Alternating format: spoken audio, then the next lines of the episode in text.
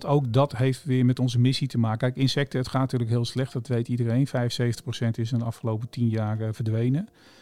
En wij denken altijd als er een boek over een onderwerp komt en mensen weten er meer van, ja, dan, dan ga je er ook meer van houden en dan wil je het misschien beschermen. Ja.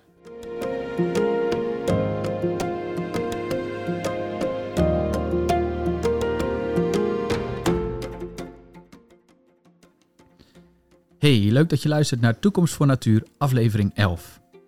De zomer is voor veel mensen een tijd van lezen. En daarom duiken we in deze aflevering van Toekomst voor Natuur in de wereld van natuurboeken. Ik ben Antoni Stip en in deze aflevering spreek ik met Bart Wessels. En Bart is boekenliefhebber, vogelaar en directeur bij de KNNV Uitgeverij. Bart, van harte welkom in Toekomst voor Natuur. Dankjewel, leuk om te mogen zijn. Jij zit ongeveer uh, zo'n 25 jaar in het boekenvak, heb ik begrepen. Hoe ben je bij de KNNV Uitgeverij beland? Ja, het is een beetje met omwegen. Ik ben altijd wel natuurliefhebber geweest, maar ik, mijn, ik heb literatuurwetenschap gestudeerd. Dus ik ben altijd in het boekenvak werkzaam geweest. Ehm, de laatste tien jaar zat ik bij Single Uitgeverij en ik begon al te denken, moet je na tien jaar wat anders?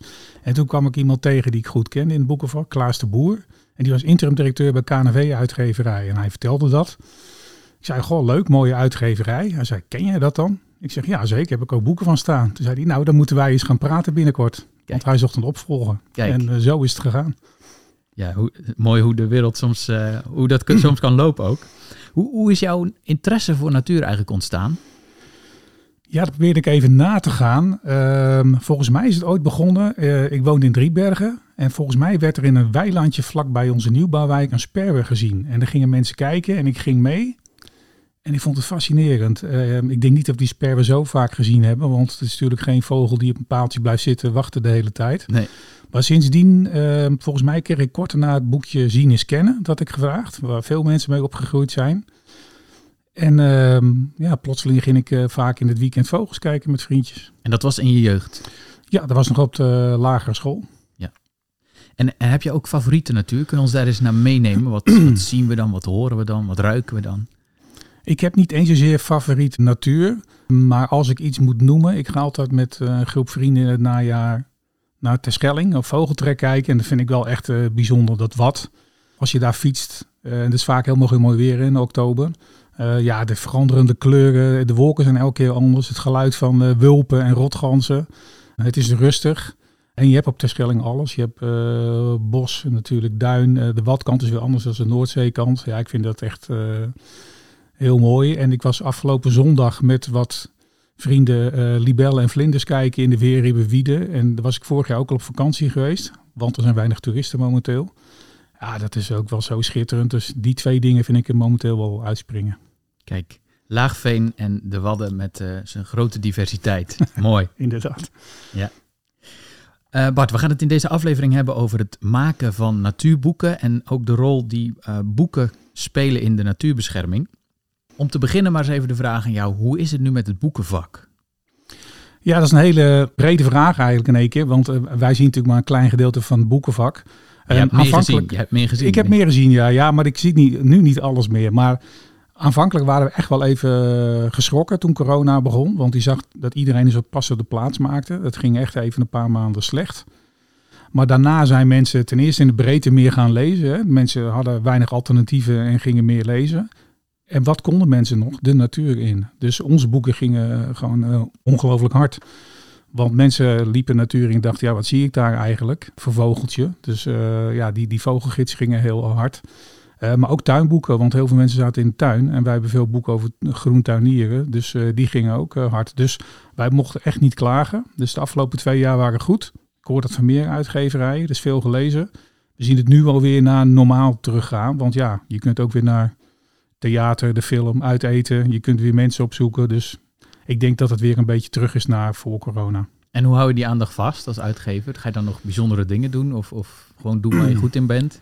Um, ja, wij doen waar, waar, we, waar we goed in zijn. Sommige uitgeverijen hebben natuurlijk ook even de productie teruggeschroefd. Als jij met een debuutthriller komt of een debuutroman, dan was het in corona heel lastig, want je kon geen publiciteit krijgen. Want het ging alleen maar over corona. Wij hebben juist gewoon alles uitgegeven wat we wilden uitgeven, omdat die natuurboeken goed gingen. Het is niet zo dat wij nu iets gaan veranderen, want er is voor ons niks veranderd. Uh, de aantallen zullen wel weer iets teruglopen, omdat het overal gebeurt. Maar onze boeken bedienen een vast publiek.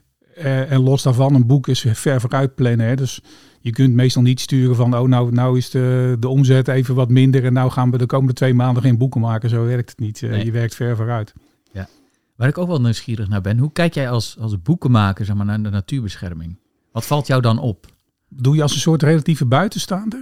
Of?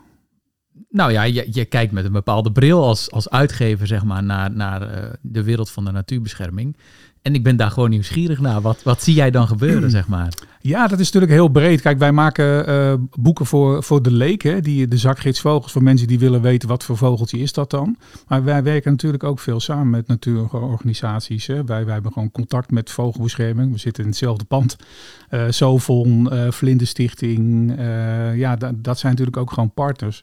Dus aan de ene kant bedien je de geïnteresseerden, aan de andere kant eh, de specialisten. Dus wij, wij zien eigenlijk gewoon de, hele breedte.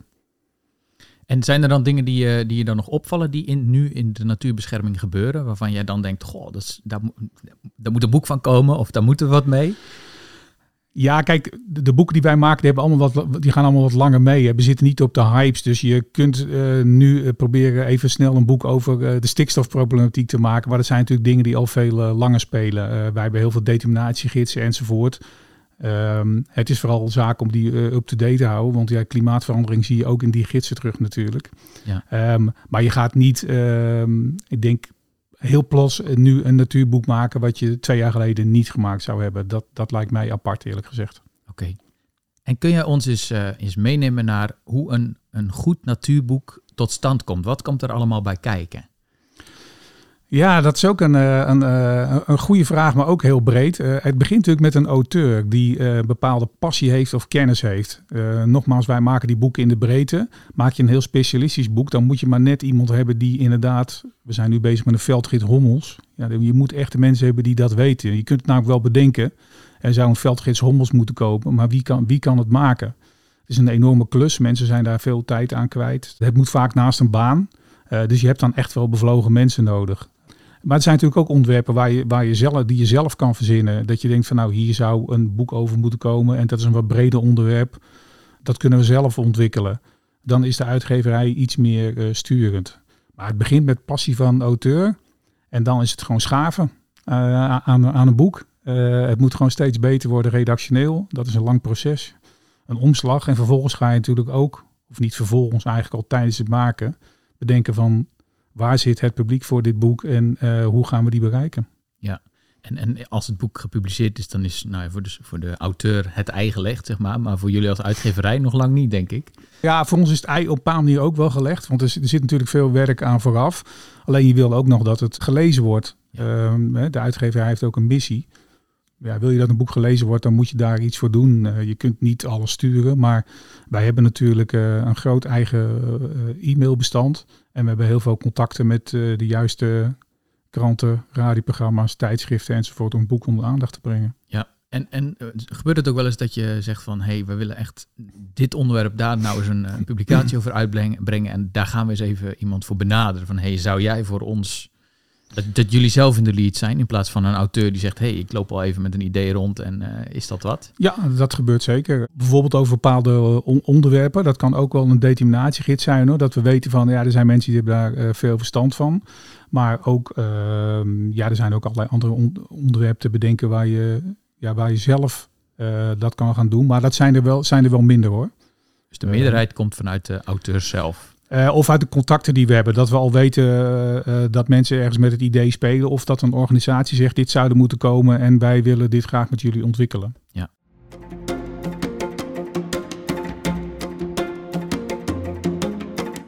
Als boekenliefhebber valt mij op dat er op dit moment best wel veel eh, goede boeken over natuur en natuurbescherming uitkomen. En ook niet alleen bij de uitgeverijen die zich daarin gespecialiseerd hebben. Denk jij wel eens van, eh, shit, dat boek had ik eigenlijk willen uitgeven? Ja, natuurlijk. Er zit- komen bij andere uitgeverijen ook prachtige boeken eh, uit. Dat, dat is gewoon zo. Ja, soms had je hem graag gehad. Uh, er zijn allerlei redenen om het, om het soms niet te doen hoor. Dat wij denken, dit kunnen wij niet zo goed verkopen. Dit past niet zo goed bij ons. Het kan ook zijn dat we een auto domweg naar een andere uitgeverij is gestapt hè, met zijn idee. Dat, dat weet je dan niet. Buitenlandse boeken is het ook vaak, ja, iemand heeft als eerste gezien uh, dat je die vertaling kon krijgen of meer geld betaalt. Of ja, dat kunnen allerlei redenen zijn. Er komen absoluut veel boeken uit inderdaad. En dat is denk ik wel weer een gevolg van wat er in de coronatijd is gebeurd. Um, ik heb hiervoor bij een andere uitgeverij gewerkt. En in principe hadden ze toen niet zo belangstelling. Want ik wou daar ook wel graag natuurboeken maken. Maar ja, toen was het zo van ja, wat, verkoop dat dan en wat moet je daarmee? Nou, je ziet dat ook andere uitgeverijen nu denken, ja, je kan absoluut uh, boeken over natuur verkopen. Dus daarom komt er zo ontzettend veel uit. Ik ben benieuwd hoe dat over vier jaar is. Als die aandacht van natuurboeken weer minder is, heb je ook kans dat, dat het daar ook weer uh, minder wordt. Want dat is wel, wel, jouw verwachting, dat over vier jaar, vijf jaar de, er wat minder aandacht voor natuur zal zijn. Nou ja, kijk, als het nou niet zozeer van natuur, misschien wel van natuurboeken. Kijk, uh, al die mensen die de natuur ingegaan zijn de afgelopen jaren en die eigenlijk weinig wisten in boeken erover kochten, dat was natuurlijk extra omzet. Natuur is echt wel gegroeid als rubriek. Maar je hebt geen garantie dat het over drie jaar nog zo is. Hè? De, in het boekenvak, de thrillers zijn de ene keer, uh, verkopen heel veel en jaren later is het weer een ander genre. En dat kan bij natuurboeken natuurlijk ook uh, gebeuren. En dan, stel dat het minder wordt, ja, dan gaan er ook minder boeken komen. Het is ook een beetje vraag en aanbod. Ja. Even terug naar de KNNV-uitgeverij. Uh, als ik goed heb begrepen, bestaat de KNNV-uitgeverij ongeveer 35 jaar op het moment. Kun je nou eens ons meenemen naar een aantal verschillende boeken die bij de KNV-uitgeverij verschenen zijn, recent of misschien wat langer geleden, waarvan jij zegt, dit moet je echt lezen? Ja, dan toch de recente, want die, uh, dat zijn de boeken die mensen ook kunnen kopen. De boeken van tien jaar geleden kun je lang niet altijd meer kopen natuurlijk. Um, nou, er is één project wat er enorm uitspringt voor ons. Daar is ook uh, afhankelijk van hoe je precies stelt, 7 tot 10 jaar aan gewerkt. En dat is het handboek Europese Vogels pak hem er even bij. Uh, jij, je ziet hier één deel, maar het zijn twee delen. Dat is een set. Dat is het beste wat er op het gebied van vogeldeterminatie beschikbaar is. Al, eigenlijk alles wat je kan bedenken. Er staan ongelooflijk veel foto's in. En ook dus foto's van dingen die normaal gesproken niet zitten. Iedereen maakt altijd een mooie foto van een vogel, maar je wil ook gewoon uh, staartpennen zien aan de achterkant. Of uh, van een vogel die, tussen, die misschien helemaal niet uh, mooi is, omdat hij aan het ruien is. Het staat er allemaal in. 1050 pagina's. Ja, er is ongelooflijk lang aan gewerkt en de recensies en de reacties zijn lovend. En we waren in één week door de eerste oplage heen. Kijk. Uh, de herdruk is er denk ik uh, met een weekje. En ja, dat is echt een enorm bijzonder project waar ja, een paar mensen gewoon een prestatie hebben geleverd die uniek is. En gaat hij ook nog vertaald worden in het Engels? Of. Ja, wij, we hebben de rechten verkocht aan Princeton University Press. Dus daar gaat een vertaling komen, maar dat zal wel even duren. Want ja. ook zij moeten die 1050 pagina's laten vertalen. Ja, precies. Ja, oké. Maar dat is, dat is leuk nieuws. Het handboek Europese Vogels als, als eerste uh, boek waarvan jij zegt, dit moet je echt uh, in de kast hebben staan en, en gebruiken uiteraard. Zijn er nog meer boeken? Ja, um, we hebben bijvoorbeeld ook net vorige week vrijdag een boek gepresenteerd. Dat heet Vuur, Vlieg, en Vlinder. En dat is eigenlijk ook typisch waar de KNV-uitgeverij voor staat. Een boek over insecten. Maar dan ook alles wat je wilt weten van insecten. Er zijn natuurlijk wel een paar andere boeken over insecten. Maar eigenlijk niet iets wat van begin af aan uitlegt wat is een insect? Uh, hoe herken je het? Hoe plant het zich voort? Uh, hoe zit die familienamen in elkaar? Dat staat allemaal in dit boek. Op een ongelooflijk enthousiaste manier uh, geschreven. Want ook dat heeft weer met onze missie te maken. Kijk, insecten, het gaat natuurlijk heel slecht. Dat weet iedereen. 75% is in de afgelopen 10 jaar verdwenen. En wij denken altijd als er een boek over een onderwerp komt en mensen weten er meer van. Ja, dan, dan ga je er ook meer van houden en dan wil je het misschien beschermen. Dus die is er net uitgekomen. Dat is ook uh, ja, een ongelooflijk leuk boek. Vuurvlieg, Mier en Vlinder. Ja, we zetten de titels die uh, Bart noemt ook in de beschrijving van deze podcast. En de derde die ik nog graag zou willen doen is, is het boek Doorgelicht. Dat is een, eigenlijk een, een heel ander soort boek. Arie van der Driet is iemand die krijgt altijd tips als er een dier is doodgereden of dood is gegaan. En hij maakt daar röntgenfoto's van. En die zijn echt schitterend. Het zijn bijna kunstfoto's. En daar zie je de prachtigste dingen op. En Bram Langeveld heeft daar uh, teksten bij geschreven. En ja, het is een boek. Het is jammer dat je hier geen uh, camera bij hebt, want uh, ja. je, je, moet het zien. Iedereen moet het even in gaan kijken. Dat, dat is echt heel bijzonder. Het ziet er zo mooi uit. En je leert ook nog veel van die dieren. Want aan de hand van, van die skeletjes zie je vaak dingen waar je nooit bij stil hebt gestaan. Ja. Doorgelicht. Doorgelicht. De derde tip van uh, Bart. En nou ben ik wel nieuwsgierig, zijn er nou ook nog boeken bij andere uitgeverijen van waar je zegt, ja, die is ook wel gaaf. Ja, nee, kijk, uh, wat jij zegt, er komt heel veel moois uit. En soms denk je van, uh, ja, die had ik ook graag gehad. Of uh, die koop ik gewoon met, met heel veel plezier ook. Hè. Ik bedoel, ja, wij kunnen ook niet alles uitgeven. Dus ja. ik geniet ook van de andere boeken. Ja, ik moet wel gelijk denken aan het boek waar vorig jaar de Wolkersprijs won van Hans Mulder. Dat vond ik echt een, nou maar de titel zelfs even kwijt. De ontdekking van de natuur. Er waren twee boeken met dezelfde titel die op dat moment uitkwamen. Dat is echt een, een, schitterend kijkboek ook. Om in te lezen en in te kijken. En uh, dat vond ik echt heel mooi. Dan heb je van Andrea Wulf uh, de biografie uh, van, van Humboldt. Oh ja. Nou, dat is het belang voor, de, voor de natuurhistorie kan hè, niet overschat worden van die man. Dat is zo'n schitterend geschreven biografie. Dat aan het eind als hij, nou, het eigenlijk eindigt niet als hij sterft. Er komt nog een heel stuk over zijn gedachtegoed na. Maar op het moment dat hij doodgaat in het boek, is het echt alsof je een vriend hebt uh, verloren. Je hebt zo met die man meegeleefd en die heeft zulke uitzonderlijke dingen gedaan. Dat is echt wel een. Uh, het is een heel dik boek. Ik denk tussen de 500 en 600 pagina's. Maar dan dan heb je ook echt een leeservaring. Ja, soms wordt het ook wel als een aanbeveling gezien. Dat is een dik boek. Dat... ja, dat, dat, ja dat, voor de een wel, de ander ja, niet. Uh, jij zei in je inleiding van uh, in de zomer gaan mensen veel lezen. Maar voor mij is het altijd leestijd. Dus dat maakt mij niet uit. Maar inderdaad, nu hebben mensen tijd voor dikke boeken. Dus wie weet. Ja, dus dat is de ontdekking van de natuur. En ja. de uitvinder van de natuur, dat is het tweede boek wat je noemde over uh, Alexander van Humboldt. En uh, wat een recent verschenen boek is van een heel andere orde is de van, uh, nou in Engeland is het al wat langer uit, maar de Nederlandse vertaling is denk ik niet zo lang uit, van Helen MacDonald. Zij is bekend geworden door de roman Ages for Hawk. Ja. En zij heeft nu een essaybundel Vesper Flights.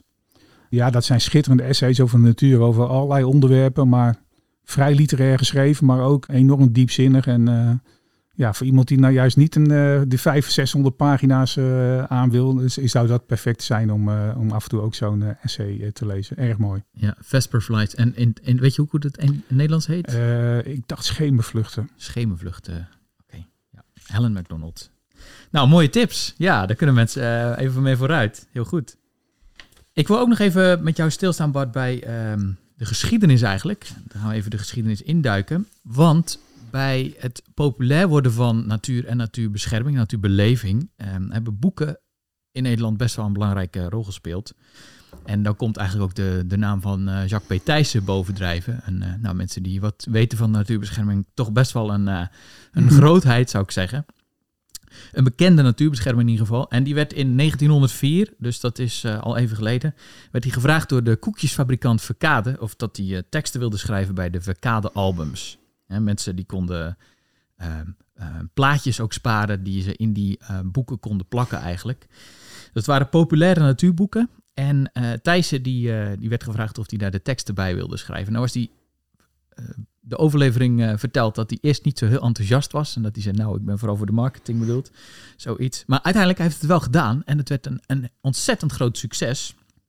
En uh, ik las dat sommige albums een oplage van meer dan 100.000 exemplaren in die tijd hebben gehaald. Dus dat is uh, nou, best fors. Hoe kijk jij daarnaar als, uh, als uitgever? Is dat iets wat je graag ook zou willen bij wat, wat, er nu gebeurt bij jullie boeken? Of dat je zegt, nou alsjeblieft niet, want er komt zoveel ellende op je af dan om dat te, te, waar te maken. Doe mij maar gewoon een, goeie, een leuke titel die wat minder explosief verkoopt. Nee, nee, absoluut. ik, ik, ik, zou het heel fijn vinden als je ergens 100.000 van verkoopt. Kijk, het maken van het boek, dat uh, is natuurlijk hetzelfde werk of je het voor 2000 of voor 100.000 doet. Dus hoe meer lezers, hoe leuker het is voor een auteur, voor de uitgeverij, voor iedereen. Bovendien, zoals gezegd, wij hebben een missie hè, dat je kennis en liefde voor de natuur uh, ja, wil delen met mensen. Ja, als er 100.000 zijn, dan is dat natuurlijk precies wat je wil hebben toevallig trouwens ook net een boek uitgegeven. Het heet het Stoepplantjesalbum. En dat, uh, daar kunnen mensen dus zelf inderdaad met stickers uh, het stoepplantje wat ze in de buurt zien uh, inplakken. We, daar, we zijn daar wel degelijk door geïnspireerd ook. Oké, heel goed. Leuk. Ja, leuk om te merken dat dat nog steeds inderdaad zijn vruchten draagt zo. Ja, die 100.000 echt, het mag gelijk. En ja, natuurlijk komt er dan ook veel op je af. Maar ja, dat lijkt me een luxe probleem. Ja, ook in tijden van papierschaarste. Ja, nou, kijk, dat soort dingen. Wij merken dat bijvoorbeeld al met zijn handboek Europese vogels. Dat is dan binnen een week op en dan wil je papier. Ja, dat, dat is lastig. En uh, ik denk als je 100.000 wil herdrukken, dat het helemaal lastig wordt. Maar uh, ja, kom maar door, zou ik zeggen. Ja. En als jij nou even zo de, de, nou ja, de afgelopen eeuw overziet, zijn er dan wat jou betreft boeken verschenen waarvan je zegt, ja, die hebben ook best wel invloed gehad? Ik denk op, op die schaal niet, eerlijk gezegd. Ik zou niet een natuurboek weten. Het is natuurlijk een beetje wat de definitie van natuurboek is. Nee, ik denk niet dat er een boek is wat zo'n impact heeft gehad. Bovendien was dat ook nog een reeks, hè, wat marketingtechnisch ja. gezien nog beter is. Maar misschien moet je dan toch stiekem denken, ja, wij denken natuurlijk als natuurbeschermers en als uh, hardcore natuurliefhebbers niet zo aan. misschien dat Rien Poortvliet ook nog best wel veel gedaan heeft eigenlijk met een aantal van zijn ah, boeken. Ja. Daar hebben heel veel mensen denk ik toch ook uh, natuur van meegekregen. Ja, dat is een goede. Daar zou ik totaal niet aan denken. Maar leuk dat je dat noemt. Ja, ja. Zelf dacht ik ook nog wel aan, uh, dat is niet echt per se natuur, maar voor ook milieu en uh, nou, environment, aan uh, Silent Spring van Rachel Carson. Dat is dit jaar ook 60 jaar geleden dat dat boek voor het eerst verscheen. Kun jij een inschatting maken van hoe belangrijk natuurboeken nu eigenlijk zijn voor, voor natuurbescherming, natuurbeleving in zijn algemeenheid? In, in Nederland heb ik het dan wel een beetje over, Nederland en België. Ja, dat is eigenlijk denk ik heel lastig in te schatten. Kijk, bij de boek van Rachel Carson, zij was de eerste, eh, of een van de eerste die, die natuurlijk een, over het milieuvraagstuk uh, ging schrijven. Ja, ik heb nu eigenlijk het idee dat een hele hoop van die kennis al lang vol, vol hè, het is voorhanden, maar, maar willen, willen we er iets mee? Um, dus dat vind ik moeilijk in te schatten. Uh, we gaan toevallig wel met een boek komen over Rachel Carson, over haar gedachtegoed dit jaar. We hadden eigenlijk Silent Spring ook opnieuw willen laten vertalen, maar dat doet een andere uitgeverij al. Dus, want het is natuurlijk meer mensen opgevallen dan 60 jaar geleden is. Um, om aan te geven dat het nog steeds leeft inderdaad. Ja, ik denk wel dat uh, boeken belangrijk zijn voor natuurbescherming. Uh, omdat je dus steeds meer over natuur te weten kan komen. En nogmaals, waar je veel meer van weet, dat wil je waarschijnlijk ook uh, beter beschermen. Dat hopen we althans. Maar je weet niet eigenlijk precies aan wie je die boeken natuurlijk allemaal verkoopt. Het kan natuurlijk ook zijn dat je toch wel heel veel boeken verkoopt aan mensen die het al eigenlijk volledig met je eens zijn. Wat is de impact op die groep die denkt van, uh, hè, nou ja, het is natuurlijk heel actueel met de boerenprotesten enzovoort. Die denkt, ja, dan maar een paar plantjes minder. Ik kan het slecht inschatten. Doe je er zelf wel eens uh, onderzoek naar? Dat je, dat je zeg maar, probeert te achterhalen van wie zijn onze lezers eigenlijk? Um, bij onze nieuwsbrief kunnen we dat een, eh, een beetje zien. En dat zijn wel echt een, een, een natuurliefhebbers. Maar ja, hè, waarom zou je op een nieuwsbrief inschrijven? Dan heb je natuurlijk al bepaalde interesse. Verder heb je eigenlijk niet zo heel veel uh, cijfers, behalve de GFK-cijfers en je eigen verkoopcijfers. En help me even, wat zijn de GFK-cijfers? Uh, dat zijn de cijfers die, die worden landelijk gepubliceerd over allerlei branches. Hoeveel mensen lezen e-books, hoeveel mensen, welke genres doen het goed. Maar dat zijn vaak hoofdgenres. Wij zien wel uh, uit die cijfers dat uh, natuurboeken enorm gegroeid zijn. Uh, maar daar zit natuurlijk ook effect in van een, van een bestseller. Bijvoorbeeld een boek van David Attenborough. Bijvoorbeeld, dat zit ertussen en dat verkoopt dan heel goed. Ja. maar we zien dat het genre stijgt.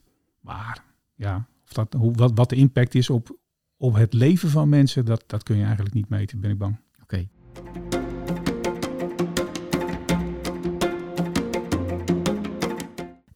Verschijnen er nu ook nog natuurboeken, of gaan die verschijnen waarvan je denkt, nou, die hebben wel inzicht, die hebben wel potentieel om, uh, om, wel, om wel te helpen aan bijvoorbeeld gedragsveranderingen of uh, omslag te maken, hè? ander transitiedenken bijvoorbeeld.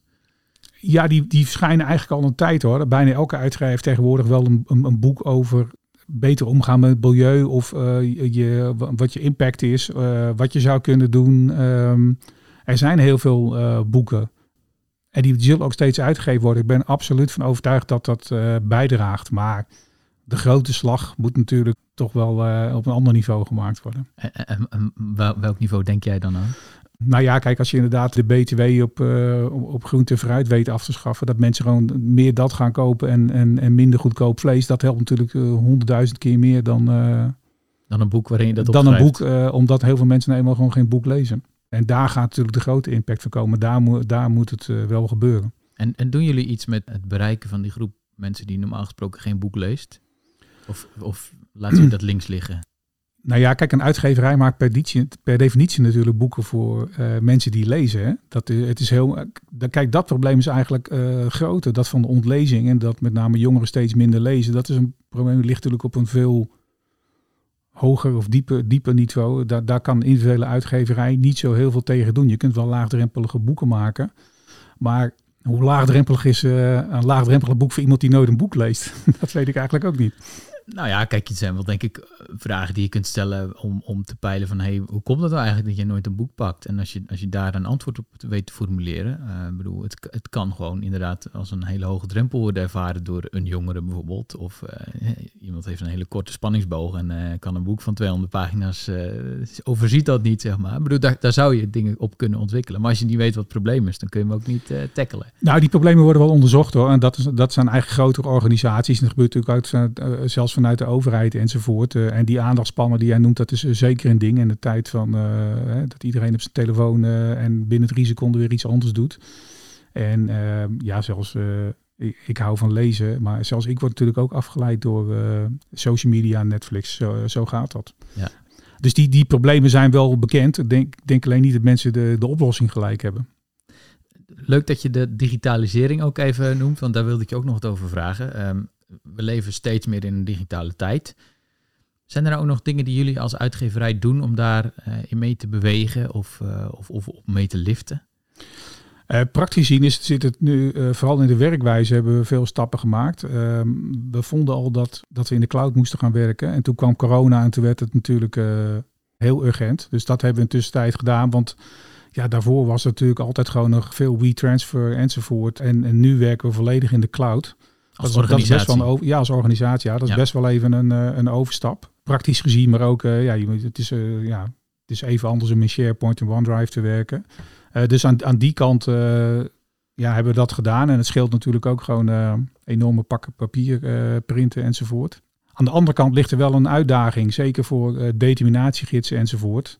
De meeste e-readers kun je daar niet zoveel mee. Die kun je niet uh, lezen, dus wel op een computer of iPad, maar in de praktijk le lezen daar niet zo heel veel mensen op. En er zijn natuurlijk al wel uh, apps uh, van allerlei grote buitenlandse uitgeversorganisaties. dus ik denk dat die boeken en die apps die gaan naast elkaar. Um, onze vogelboeken verkopen heel goed. En ongetwijfeld bij andere uitgeverijen ook. Dus er is nog steeds belangstelling voor. Maar als ik nu met mensen het veld in ga, dan zit iedereen op de app om daar even iets op te zoeken. Dus die, die boeken worden verthuis. En die apps zijn om gelijk uh, dingen te kunnen controleren. En iedereen voert natuurlijk ook gelijk zijn waarneming uh, in. in, op, uh, op Identify enzovoort. Ja, ja, ja. dus dat, dat handboek Europese Vogels, dat is echt gewoon om thuis te, te, na te slaan. En dat heb je niet even mee in je koffertje als je op de Schelling bent. Of jij wel? absoluut niet. En dat gaat er denk ik niemand doen. Nog los van het feit dat het is natuurlijk ook nog een, een duur boek en mensen willen dat netjes houden, denk ik. maar het is natuurlijk wat dat betreft totaal onpraktisch. En zelfs een pdf zou, heel, zou nog niet zo praktisch zijn. Kijk, die, die, die apps laat je gewoon twee vogels naast elkaar zetten of drie die op elkaar lijken. Als je denkt van, hé, hey, is dit nou een kanoet of uh, iets anders in winterkleed? En dat gaat gewoon digitaal. Dat is gewoon een app. Dat is gewoon veel handiger. Ja. In 2025 is het 80 jaar geleden dat uh, Jacques P. Thijssen uh, overleed, overleed in 1945. Gaan jullie daar nog wat mee doen? Of, um, ik, nou, ik heb wel eens iemand benaderd, maar die had helaas al ergens anders getekend we, we, moeten er even kijken. We, we, hebben ook goed contact met uh, Heijmans en Thijssen Stichting. Er is al wel het nodig verschenen hoor, de afgelopen jaren uh, over Jacques P. Thijssen. Er zijn uit mijn hoofd twee biografieën. Uh, wij hebben zelf ook nog een, een, een, boekje over hem. We hebben hier nog volgens mij documenten uitgegeven van Thijssen en Heijmans. Nou, het is dus een brievenboek verschenen. Dus er, er, er is al veel. Ik weet niet hoeveel er nog mogelijk is. Ja, Zouden we eens even moeten kijken. Ja, misschien uh, in het Thijs in het licht van de huidige natuurbescherming. Of, of andersom. Hè, dat kan natuurlijk ook. Ja. Nou iedereen is wel schatsplicht. Hoe vaak zijn naam nog valt in allerlei boeken, dat is echt ongelooflijk. Uh, de, de, helft van natuurboeken komt zijn naam toch nog wel een keer terug. Uh, dus de invloed is nog steeds enorm. Klopt, ja.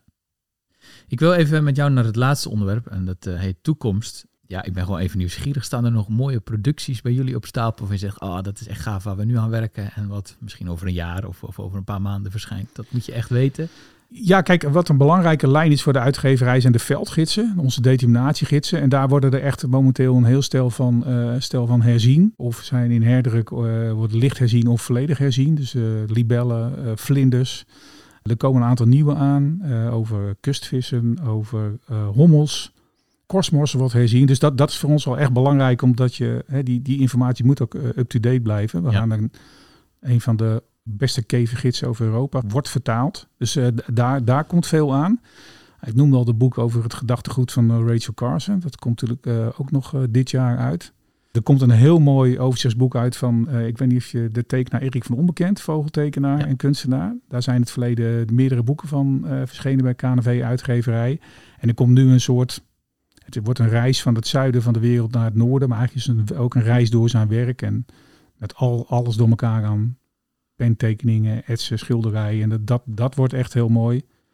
Um, we hadden vorig jaar een heel succesvol tuinboek, dat heette Plantchemie. Dat uh, heeft heel goed verkocht. En daar komt een, uh, van hetzelfde duo, uh, Peter Abaan, Katja Staring, komt een boek.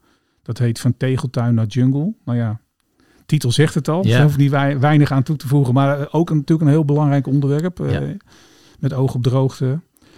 En wij geven af en toe gewoon hele grote bijzondere boeken uit. Zoals het Handboek Europese Vogels. Een paar jaar geleden hadden we het Nachtvlinderboek. Ja. En nu komt er een uh, boek van uh, Mark Meijerink over uh, orchideeën in Nederland. Dat wordt ook een heel groot, bijzonder overzichtswerk. Dik en zwaar voor in de kast. Dik en zwaar, 99,95. Dus dat is ook geen een prijs, paperbackje. Ja. ja. ja. ja, Hoe kijk jij naar de, naar de toekomst van, van natuur in ons land? Ja, lastig. er spelen zoveel dingen tegelijk. Kijk, er zijn allerlei redenen om natuurlijk niet vrolijk te zijn. Hè, zeker met discussies die, uh, die, die vandaag gaan. Over stikstof bedoel je? Ja, over stikstof, maar over alles. Ja, de, de, manier van natuur kijken in Nederland is natuurlijk wel apart. Hè, alles weer in cijfertjes en nut te vangen. En het jammer is dat ook natuurorganisaties natuurlijk min of meer gedwongen in dat frame zijn meegegaan. Van heeft het nut? Terwijl dat natuur er is omdat het er is. Hè, dat het gewoon mag zijn ja, dat is kennelijk een, uh, een heel uh, heikel punt nog in Nederland. Dat moet, ja, gewoon dat je erkent van er is gewoon natuur. En ja, misschien hoeft er niet per se altijd een weg doorheen. Of moet daar iets gemeten worden. Of is dat landbouwgrond. Of ik denk er wel uit dat dat vreemd moet raken. En dat is, dat is ook jouw, jouw oproep een beetje aan natuurorganisaties van heb meer voor die, voor die intrinsieke waarde van natuur. Die natuur die er mag zijn vanwege zichzelf. Ja, maar kijk, het is voor mij ook heel makkelijk. Die natuurorganisaties, hebt natuurlijk, hè, die moeten ook van alles verantwoorden. En die krijgen natuurlijk ook over, overheidsgeld enzovoort. Dus die zullen veel meer moeten schipperen dan ik hier makkelijk nu kan verkondigen. Maar ja, dat is natuurlijk wel belangrijk, want Kijk, hoeveel geld is er naar de Gutto gegaan en hoeveel rapporten zijn er geschreven de afgelopen jaren. Je kunt nog iets over plasderas of predatie doen, maar ja, het feit is natuurlijk gewoon dat er gewoon veel te weinig land is om, om die vogel te behouden. En als je daar niets aan wil doen, ja, dan, dan kunnen we met z'n allen natuurlijk nog meer geld tegenaan gooien. Maar dat, dat, dat, is waarschijnlijk helemaal niet de oplossing. Dat is in Nederland heel vaak ook niet het probleem, dat er geen geld is. Nee, we zijn een welvarend uh, land. We zijn er wel vaak het land, alleen uh, ja, je moet uh, keuzes maken. En die keuzes die, uh, worden meestal niet voor de natuur gemaakt. Ook niet bij natuurorganisaties? Ja, natuurlijk wel. Die maken al keuzes voor de natuur, maar het is toch schipperen. Kijk, je weet dat natuurmonumenten krijgen nu veel kritiek over mountainbikepaden. Ja, daar zijn ze natuurlijk niet voor, maar ja, dit land wil natuurlijk ook recreatie en daar hebben ze natuurlijk ook mee te maken. Dus zo zit iedereen altijd een tussenoplossing te zoeken. Ja, en we zijn misschien op, op een punt beland dat tussenoplossingen helemaal niet meer helpen voor de natuur. Dat je toch echt iets meer moet doen dan dat. Dus we kunnen niet langer de kool in de geit sparen, maar... Ik denk dat dat een conclusie is die uh, heel veel mensen al lang getrokken hebben, maar uh, ja, die ook wat moeilijk verkoopbaar is uh, aan de hele bevolking. Ja, en, en hoe zie je dat in relatie tot de KNV-uitgeverij, de toekomst? Ja, ik hoop dat wij gewoon en onze boeken dan met name, want daar gaat het natuurlijk om, onze auteurs en onze boeken, dat die gewoon aan dat besef bijdragen dat het wel belangrijk is. Hè, dat je uh, inderdaad een boek over insecten of over vogels, dat mensen de schoonheid ervan inzien en het echt oprecht jammer gaan vinden als die gutto er uh, straks niet is of als er gewoon weer een insectensoort niet is. Want onbekend maakt onbemind, uh, dat is het natuurlijk vaak zo. Ja. Dus da da daar ligt onze rol, denk ik. gewoon enthousiasme voor natuur en het belang blijven benadrukken. Je wilt de verwondering en de schoonheid wil je eigenlijk bij mensen. Ja, absoluut. Triggeren. En dat het gewoon uh, dat je enorm kan genieten van de natuur. Er zijn allerlei onderzoeken die aangeven dat natuur belangrijk is voor je geestelijk welzijn. Ja, ik denk dat iedereen dat wel herkent die er wel mee bezig is. Als ik een dagje vogels kijk, ben ik met niets anders bezig. Of zoals afgelopen zondag met libellen. Ja, je bent alleen maar aan het kijken van uh, welke vogel, welke libel is het. Uh, of waar vliegt wat. En ja, het is volgens mij geestelijk heel gezond om niet met andere dingen bezig te zijn uh, dan dat. Ja, en dat is ook heel verrijkend, ja. Ja, je bent lekker buiten, je ziet mooie dingen. En ook als je eh, helemaal niet eh, die libellen wil zien, maar loop door de weerribben en eh, het is gewoon mooi. En je vergeet even dat, dat er oorlog is. Of, ja, bijvoorbeeld. Ja. maar ook gewoon je eigen privézorgen misschien of zo. Ja, die, weet je, wat is er nou fijner dan buiten rondlopen of fietsen, het zonnetje erbij, mooi landschap, is toch heerlijk. Maar moet het wel allemaal zijn. Zeker. Nou, dat lijkt me een hele mooie afronde van dit gesprek. Heel hartelijk bedankt Bart Wessels, directeur bij de KNNV Uitgeverij. Jij ook bedankt. Graag gedaan.